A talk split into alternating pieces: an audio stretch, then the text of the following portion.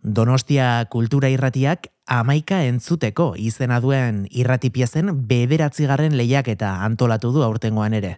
Lehiaketa honek irratipieza labur eta originalen ekoizpena eta edapena bultzatzea du helburu. Parte hartzaiek gehienez ere bost minutuko piezak aurkeztu izango dituzte, gaztelaniaz edo euskaraz, eta gaia guztiz askia da, baita e, formatua ere guk e, ezin izango dugu aurtengoan e, parte hartu, baina behintzat, e, bueno, ba, bederatzi lehiaketa honetan parte hartzeko asmoa duzuen guzti horiei mm, esku bat potako dizuegu, laguntza eskainiko dizuegu, oier arantzabalen bitartez. Ispilu beltza, asier rastirekin.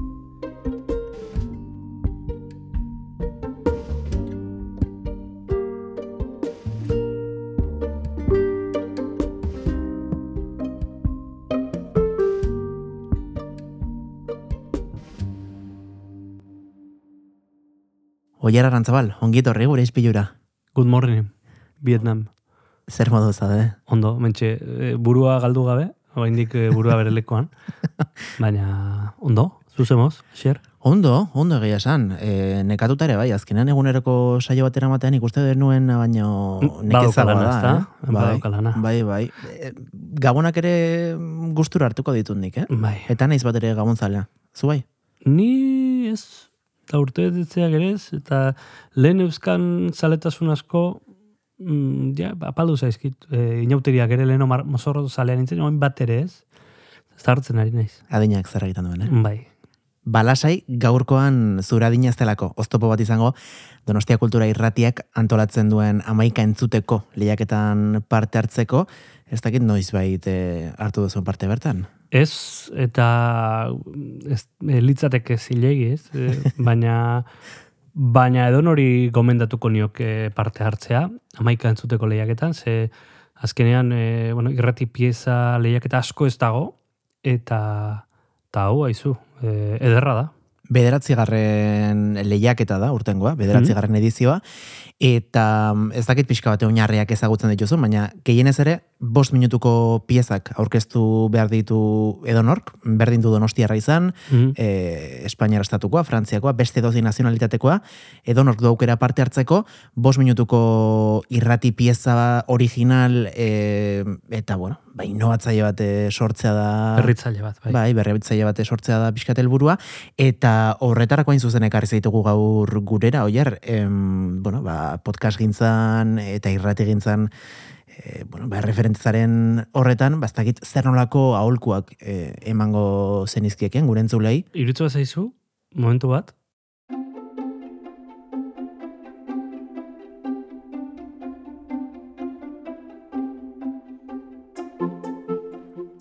Oierren konsulta, entzuten ari zara bain fondotik, ez? E, Hau ere soinu diseinua da, sartu dugun sintonia ederra, oierren konsultara, Venga. eta eta, bueno, jarriko gara parez pare, ez? Konsulta batean bezala, bota ga- galdera eta nik erantzungo. Vale, oso ondo. E, hemen Donostia Kultura irratiaren web orrialdean sartu naiz, eta ikusten edo irakurtzen ditudan lehenengo hiru hitzak dira, originala, mm, sormena izatea, sormena lantzea, eta interesa piztuko duen irrati pieza bat sortzea. Hmm. Ez dakite nundik hasi gaitezken? Az gaitezen, aholkuak emango ditugu, bai? Bai, Lehenengo aholkua, zu e, mugitzen zaituen zerbaiten inguruan egitea, ez? Mm, zure zaletasun, e, zure e, denbora ematen diozun gai baten inguruan egitea. Horrek asko erraztuko du lana, kontrolatzen duzulako, ez? Mhm. Eta e, bide batez, ba, ba bueno, e, azkenean nabaritzen delako norbaitek zerbait maite duenean, ez? Hori lehenengo aholkua. Bigarren aholkua. Ez hasi musikarekin inoiz. Musika ez da podcast bat edo audio pieza bat azteko bidea euneko laroita marrean. Vale. Mm, agotxarekin hasi barko dugu orduan. Ahotsarekin, mezuarekin. E, asko esaten du horrek, eta Amerikar eskolan, asko, bueno, e, Ameriketako edo zein e, lan entzunda, eta bertako irrati entzunda ere, hemen ez bezala, musika askoz gutxiago erabiltzen dute, ahotsa gehiago erabiltzen da, eta normalean, a- bertako podcasten euneko eh, haundiena, ahotsarekin azten da, mezuarekin, norbere ahotsarekin. Eta horrek konfiantza erakusten du, norbere buruaren gan, eta norbere gaiaren gan, ez? Mhm. gai naiz, gai batekin, ere hotxarekin, interesa sortzeko. Beraz,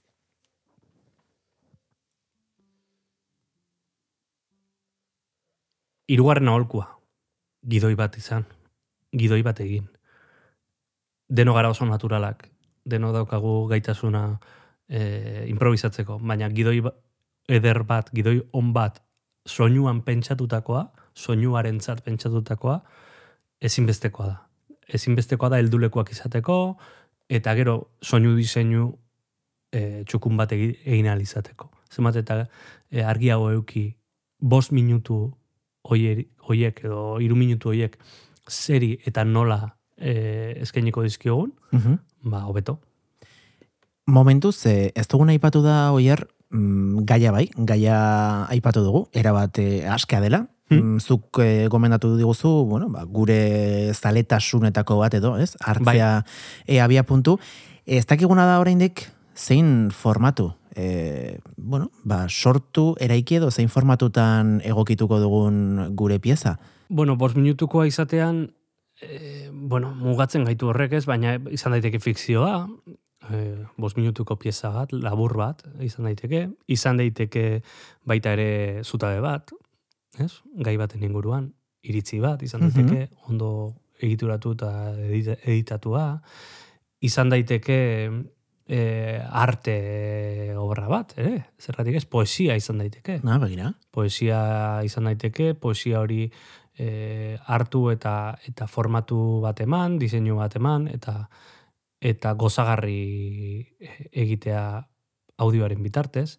Mhm. Bueno, nik enuke mugari jarriko, norberak jarri die zaiola. Mm, esan dakoa, eh? oso importantea da ze mezua ematera zoa zen, mezua bera, ez? Gidoia, zentzu horretan, eta eta gero ba, bueno, ba, soinu diseinu landu bat eukitzea. Soinu diseinu landua.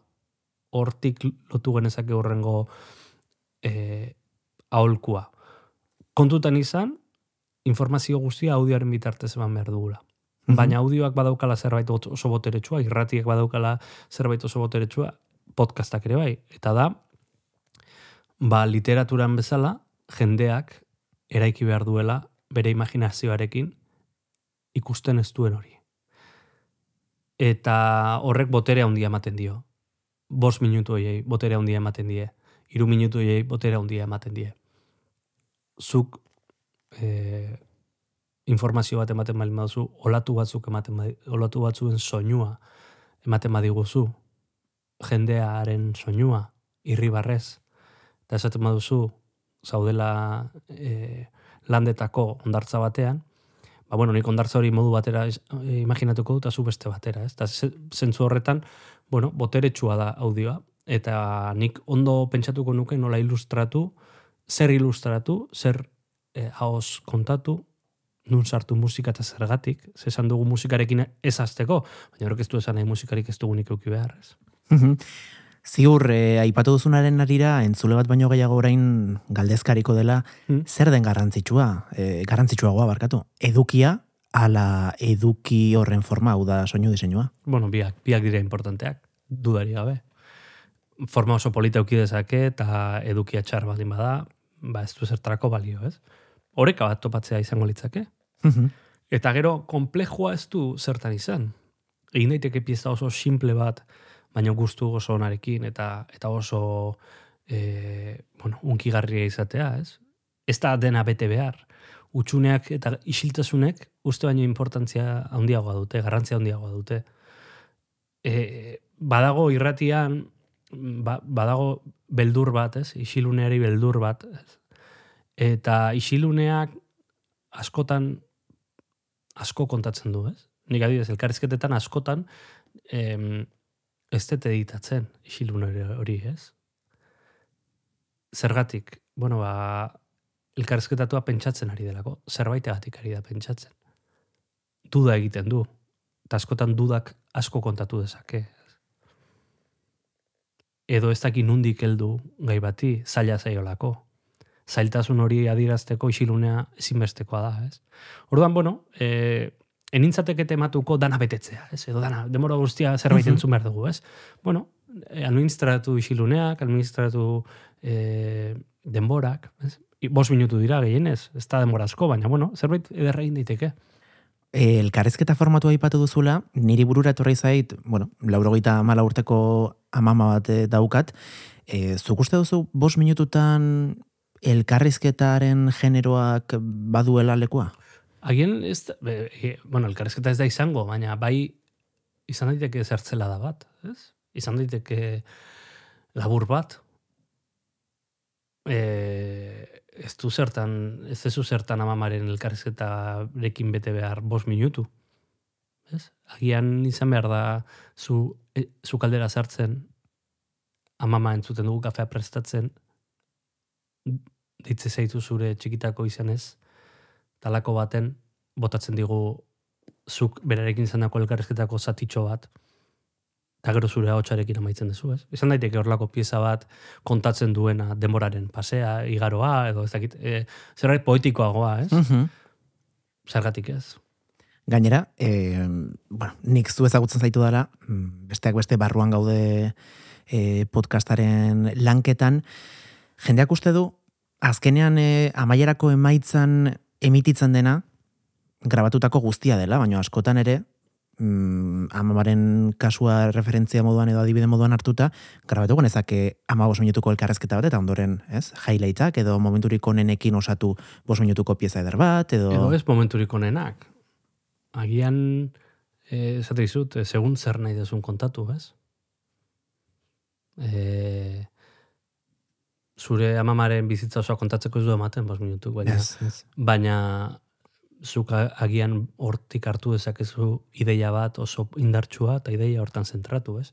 Ez hainbeste highlightak, baizik eta nik hau nahi dut kontatu, ez? Eta orduan aukeratzen dut amamak kontatu dien pasartetxo hau, eta gero Mhm. nik gehitzen dut nire partetik, ez? Nire irakurketa bat, ez? Beraz, helburua, argi izatea zertara guazen. Zer kontatu nahi duzu? Mhm, Zer nahi dugun? zein da zure mezua, ez? En, mm, zein da zuk laga nahi duzun mezua? Azkenen, e, o, genero guztietan gertatzen da hori, eh? beti dago mezu bat edo, ez? En, tesi bat edo nibalin badezu.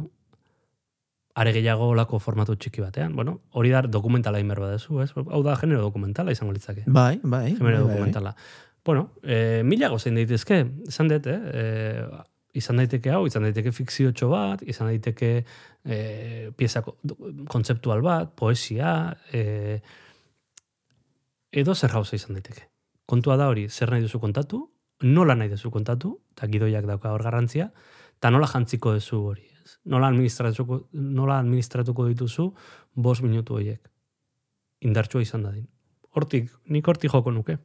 Gainera, e, oiar gogoraraziko diegu gure entzulei, Donostia Kultura Irratiak ba, parte hartzaien zerbitzura, eh? jarriko dituela bere estudioak, bere baliabideak, mikrofonoak, e, mai soinuak, ordenagailuak eta bar, beraz, xetniborik ez gastatu, eta are gehiago, mm, komentatuko diegu, denok poltsikoan dugun mugikorrak, sekulako mikrofonoa duela, Bai. eta eta grabaketa asko egiteko primerako tresna izan daitekela, ezta? Ba, Gaur egun erresa da grabaketa txukun bat egitea. Alde teknikoa baino importanteago eritzen zait zer kontatu nahi duzu ondo argi izatea. Askotan zailen hori da. bai, dudari gabe. Eta gero no- nola kontatu behar duzun, ez? Uste dugu zenbat eta mikrofono hobea izan, ez? Orduan eta ez eduki hobea izango dugula. mikrofono sistrin batekin ere egin daiteke sekulako en, lan, lana, bai. Eta xosik gastatu gabe eta Donostia Kultura Irratira gerturatu dugu nahi ez badugu, ze programa, ze software erabili genezake doakoa dena eta Windows edo Linux edo Maca izan, izan da ere, ba, gure gailuan instalatu genezakena. Hor badago Audacity, Audacity izena duen programa bat, e, oso basikoa, baina oinarrizko gauzak egiteko inongo arazorik ematen ez duena. Badago, gero badaude programa batzuk e, doako proe, prueba eskaintzen dutenak, Mhm. ez? Eta agian probestu genezake prueba hori editatzeko. Ba, bai. E, Da Vinci Resolve, adibidez, e, bideo editore bada, baina badauka audio editore bat. Bai, bueno, in, mila modu, daude, Reaper badago beste e, software bat, e, okerespanago probako bersio badaukana, eta gero daude, ba, garaje band, makabalin badaukazu, garaje band okerespanago doakoa da, eta Windowsen ere hainbat programa daude, ez? Ez du importa ze programa erabiltzen dugun kontua da, ba, berriz diot, zailena ez da hori. Zailena da, ba, ba ideia armatzea ondo, ez? Eta hau da nire aurku sorta, hau da nire konsulta. Asier, ez dakit gauza gehiago nahi duzu.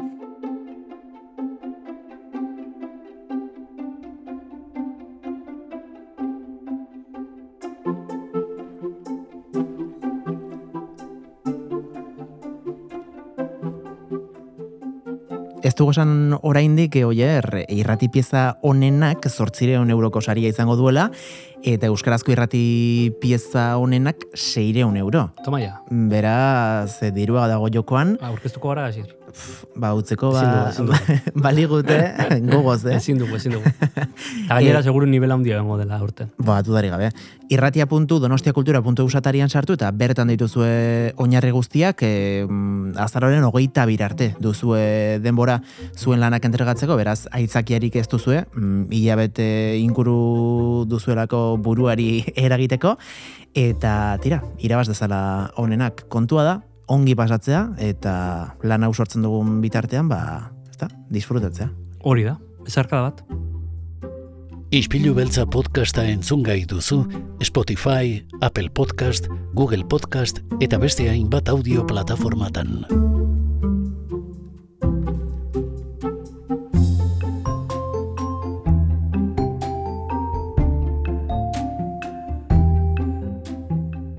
Amaika entzuteko lehiaketan parte hartzeko jaso ditugun gomendio hauen ostean, orain bizikleta hartu eta intxaurrondora egingo dugu salto. Bertako liburutegian egiten duelako lan Isabel Besga liburuzainak eta gaur ba, gure ispilura gerturatzea erabaki du bere liburu kutxun bat gomendatzeko.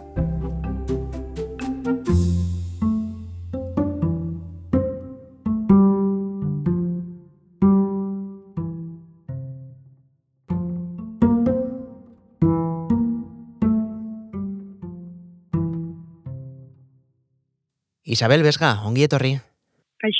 Egunen. Bueno, eh, Isabel, antes que nada, muchísimas gracias eh, por animarte una temporada más a Ispiu Belza. Si otros años ya habéis escuchado el programa, sabréis que, bueno, siempre nos trae unas propuestas eh, súper interesantes y hoy también. Cuéntanos, Isabel, ¿qué es lo que nos has traído hoy? Hoy, hoy se trata de una novela que acaba de publicarse, se llama La Dieta, y el autor es Bernard Schlink. Está editada por Anagrama ahora en el septiembre, septiembre pasado. Eh, Bernard Schlink, el autor es, es un autor nacido en Alemania en 1944, tiene por tanto 79 años. Él es escritor, es jurista también, ha sido juez del Tribunal Constitucional de Renania, eh, es también profesor de Historia de la Ley. Es un autor alemán muy conocido por ser el autor de una novela que en 1995 fue un bestseller mundial que luego se adaptó al cine. La novela se llamaba El lector. Eh, la adaptación al cine también tuvo una fama tremenda. Kate Winslet, que era la protagonista, Sí. eh, ganó el Oscar con, con su trabajo allí. Y el director Stephen, Stephen Daldry, muy, también muy reconocido. Es un escritor, es un escritor, eh, una persona que quiere reflexionar sobre la sociedad en la que vive. En alguna, en alguna entrevista he leído que él se plantea ser la memoria de una nación.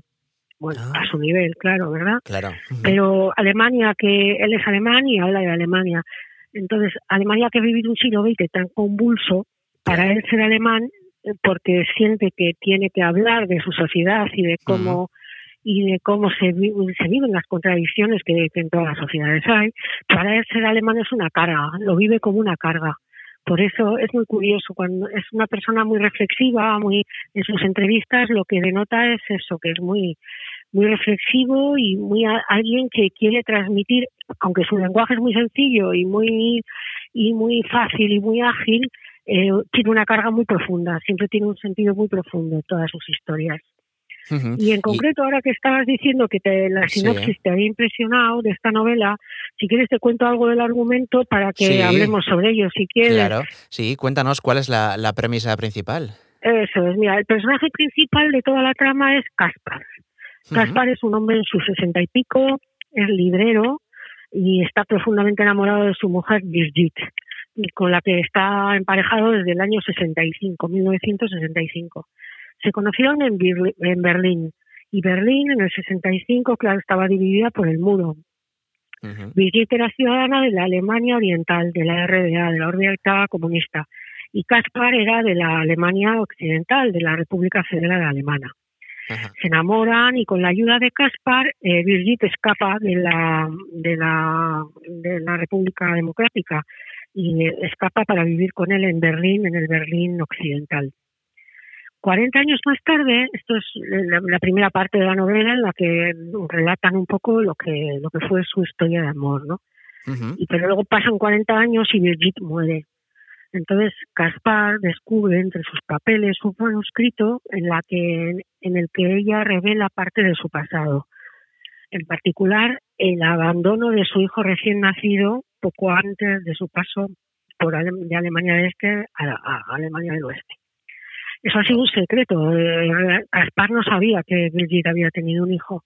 No se lo había revelado en todos los años de relación, a pesar de que habían sido una pareja que se entendía y eh, enamorados. Y esto también es una reflexión que hacer sobre el cómo los secretos personales y el cómo la, eh, la relación puede ser una relación muy bien consolidada y muy tal, y sin embargo cada uno tener algo como muy íntimo que nunca cuenta, ¿no? Y que por otro lado le marca en la vida. Claro, claro, fue, fue un poco el precio ¿no? que tuvo que pagar eh, Birgit por, por irse a vivir al otro lado del muro con, con Caspar en este caso. Eh, tal, tal como lo cuenta, ella lo decidió, ella tenía 20 años y no, no, quería tener un hijo. Entonces se había mm. quedado embarazada y, y bueno, pues, pues decidió darlo y se acabó. No quiso ni saber cómo ni nada, ¿no? Ajá. Pero ¿qué pasa? Que luego a lo largo de la vida, que ya nunca hablo de eso, eh, sí fue algo que le pesó. Y entonces en el manuscrito sí que hablo, sí se ve que ella planeaba encontrar a ese hijo. Imaginaba dónde podía vivir, pero nunca dio el paso de ir a buscarle. Entonces Caspar, una vez que en pleno duelo, porque él sufre mucho al ver que al ver cómo muere su mujer, decide descubrir quién es el hijo de, de Brigitte. Entonces quiere encontrarle para hablarle pues, de su madre, para cumplir el deseo de Brigitte, sobre todo, ¿no? Eh, va en fin, se va moviendo por las pistas que tiene y descubre que Brigitte tuvo una hija que se llamaba Esenia, que actualmente vive en un pueblo de Alemania Oriental que es una comunidad volkisch. Y aquí la comunidad volkisch, pues claro, dices, ¿qué será una comunidad volkisch? Bueno, pues son neonazis que se organizan entre ellos en el campo su ideología, claro, por ser neonazis es de extrema derecha, pero tiene un toque ecológico que les hace pues más cercanos a nuestros tiempos, a nuestra sensibilidad actual, ¿no? Pero sueñan con la gran Alemania, está apegada a las tradiciones, a los antiguos mitos, reclaman la Alemania para los alemanes, estaba, su ideología está basada en la superioridad técnica aria y en la evocación del Reich y de los dirigentes.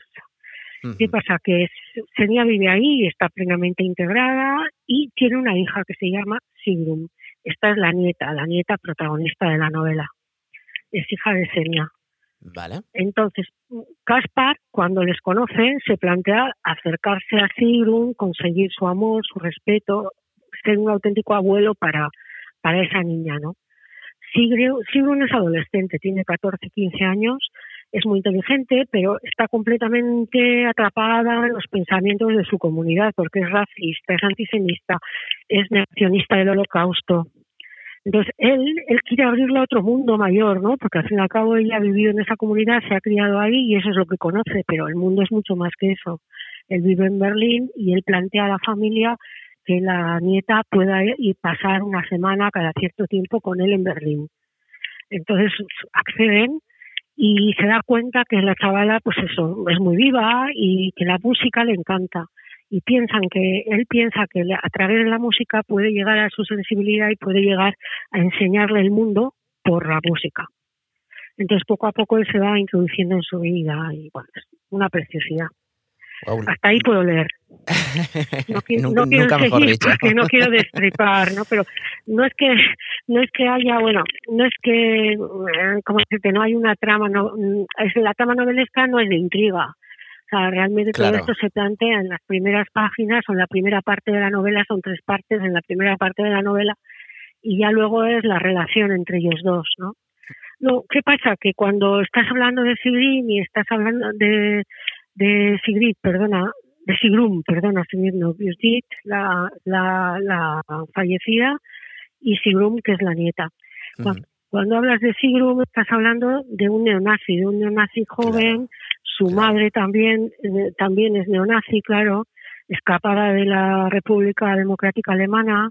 Estás hablando de los conflictos que, que surgen en la sociedad al, al haberse eh, al haberse haber sucedido la reunificación en el año entre el 89 y el 90 la reunificación entre las dos Alemanias la sociedad realmente fue para la sociedad fue un gran choque entre las grandes diferencias en el pensamiento de alemanes orientales y occidentales porque claro los orientales habían creado se habían criado en un régimen comunista con un partido único, unas ideas muy concretas, y los occidentales, pues neoliberales, eh, de otra manera, claro.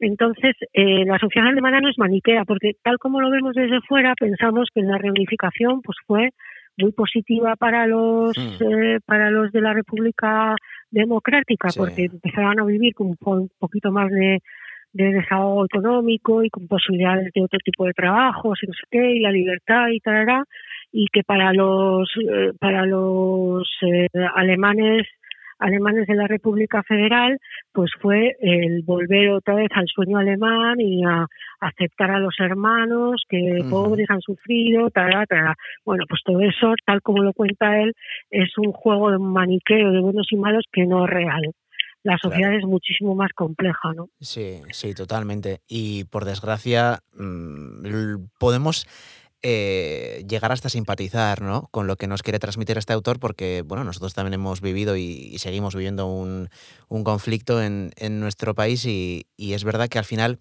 eh, el autor aprovecha para hablar de esas dos Alemanias, ¿no? que muchas veces eh, se habla de los conflictos desde una manera muy bueno, un poco narrando lo sucedido, pero no, no desde la perspectiva ¿no? personal. Y, en este caso, eh, Bernard Schlink eh, usa ¿no? como excusa a varios personajes para realmente transmitirnos cómo eh, se ha vivido ¿no? toda esa realidad, porque él al final, el autor ya tiene casi 80 años y, y él pues ha vivido muchas cosas también. Entonces, ¿no? más allá de los libros de, bueno, pues de estos libros de historia, él nos trae un poquito, ¿no? La realidad alemana, pero a través de emociones y vivencias humanas. Es que es eso, es eso, sí. O sea, la trama partiendo de una situación particular, que es una persona como él, que está viviendo el duelo de su esposa, que se plantea de repente que hay una, una hija, un hijo por ahí, que va a ir a buscarle, se introduce en, un análisis de la sociedad alemana. O sea, partir, partiendo de algo muy particular, está hablando de la sociedad de Alemania actual, donde la organización de las dos Alemanias pues no ha sido un proceso sencillo, ¿no? Entonces, bueno, también habla mucho del desarraigo que viven los alemanes de la República Democrática, que criados en otros valores y con una formación, la que sea, se han encontrado en la República Federal, en la Nueva Alemania, se han encontrado con que lo que ellos creían no, no, no, era así, ¿no? Y eso hace que surjan conflictos sociales y con sentimientos ultranacionalistas, que es lo que plantean los, los neonazis, y luego por otro lado posiciones, como decía, neoliberales. Entonces, la realidad, pues una vez más, tiene mucha complejidad. Es muy interesante. En el fondo también está el auge de la extrema derecha, es muy interesante la novela, la verdad es que sí. Y además es magnífica porque su, su estilo narrativo y su lenguaje son, son muy sencillos. Resulta muy fácil, pero sin renunciar a la profundidad. Eh, no, te, quería decir, Isabel, que a lo mejor eh, la nieta es un ejemplo de cómo también podemos aprender ¿no? de, de, de historia o sobre historia de una manera diferente. Sí, sí, sí, sí, claro que sí. Yo creo que en novelas como esta, todos los personajes, porque el personaje de la madre la madre, eh, la que vive en la, en la comunidad con su hija, eh, es también muy curioso porque ella se rebeló contra sus padres que eran comunistas clásicos. Entonces para para como rebelarse contra ellos pues se convirtió en extrema derecha. En extrema derecha violencia drogas en fin, no quiero contarte más. Prefiero que cuando lo leas disfrutes de la de la novedad no de, de lo que es de lo que es ver los efectos que tiene, claro, eh, la sociedad en la que vives en tu propia vida personal, ¿no? Y cómo vas tirando por un lado por otro. A la nieta, al fin y al cabo, pues la nieta y el abuelo, le surge la oportunidad de la relación con este abuelo que le abre otro mundo, que le abre otras posibilidades, otra manera de pensar, le saca de su mundo tan estrecho de la gran Alemania, de la Alemania aria, la Alemania, los antiguos, eh, en fin, los antiguos ritos, las runas, está todo eso también tan, tan bien contado de una manera tan exquisita que yo entiendo que esta novela es una novela mm, especial, vamos, es una novela que va a marcar está teniendo buenas críticas, claro, como no podía ser de otra manera. Antes está editada en Francia, en febrero pasado se editó en Francia y tuvo unas críticas magníficas. Sí, o sea que es eh, algo muy reciente y, muy reciente. y del que todos vamos a poder disfrutar en las bibliotecas de Donosti, en las tiendas de libros, todo aquel que quiera bueno, pues disfrutar de, ¿no? de un buen rato y, sobre todo aprender y, sentir emociones también a través de este libro, pues aquí la propuesta de Isabel Vesga. Em, antes, de, antes de despedirnos, Isabel, em, nos has traído una canción que tiene mucho que ver ¿no? con esta novela. Sí, sobre todo el autor de la canción, Eric Satie Eric Satie fue un compositor francés del siglo XIX, segunda mitad del siglo XIX, siglo XX hasta los años 20, eh, muy reconocido en su momento porque era muy era muy rompedor con, con el tipo de música que se estaba haciendo hasta entonces. Él, planteó un minimalismo en la música, ¿no? Sobre todo sus, sus creaciones son para piano. Entonces, bueno, la protagonista, la nieta, la nieta quiere tocar piano, quiere aprender a tocar el piano y uno de los autores que le gusta es ti. Es la manera también, como he dicho antes, de, acercarse el abuelo a la sensibilidad de la niña, ¿no? Y eh, quería, sí, quería una obra de Satie que se llama eh, Je te veux, eh, que es un arreglo, en concreto la que me gustaría que pusieras, porque nos va a gustar a todos, ya verás, y que la conocemos seguro, eh, la versión, la, el arreglo que él hizo para orquesta de cuerda y, para soprano. Entonces, es realmente bonita, muy bonita. Incluso en los años 20 debió de tener mucha fama y se convirtió un poco como una música muy asociada a la Belle Époque francesa. y, bueno, una, una canción que sí tiene que ver con, con la novela. Pues mira, si te parece Isabel, con, con, esta bonita canción te despedimos, pero, pero no, no, os preocupéis porque pronto la tendremos de vuelta aquí en Donostia Goltire Ratia. Es que ricasco Isabel, un auténtico placer tenerte aquí. Es que ricasco, Suri, así es, agur, agur. agur, agur.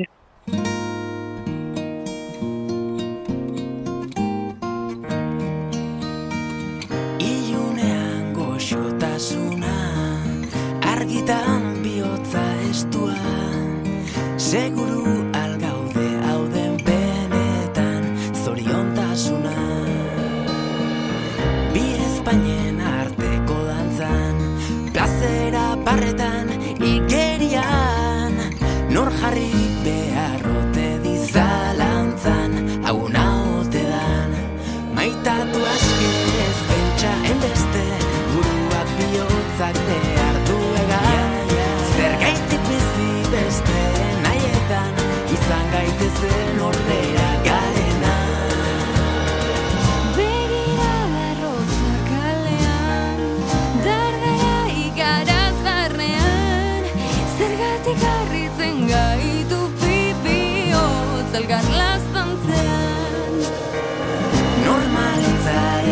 esanetan Arau ez bizitzea da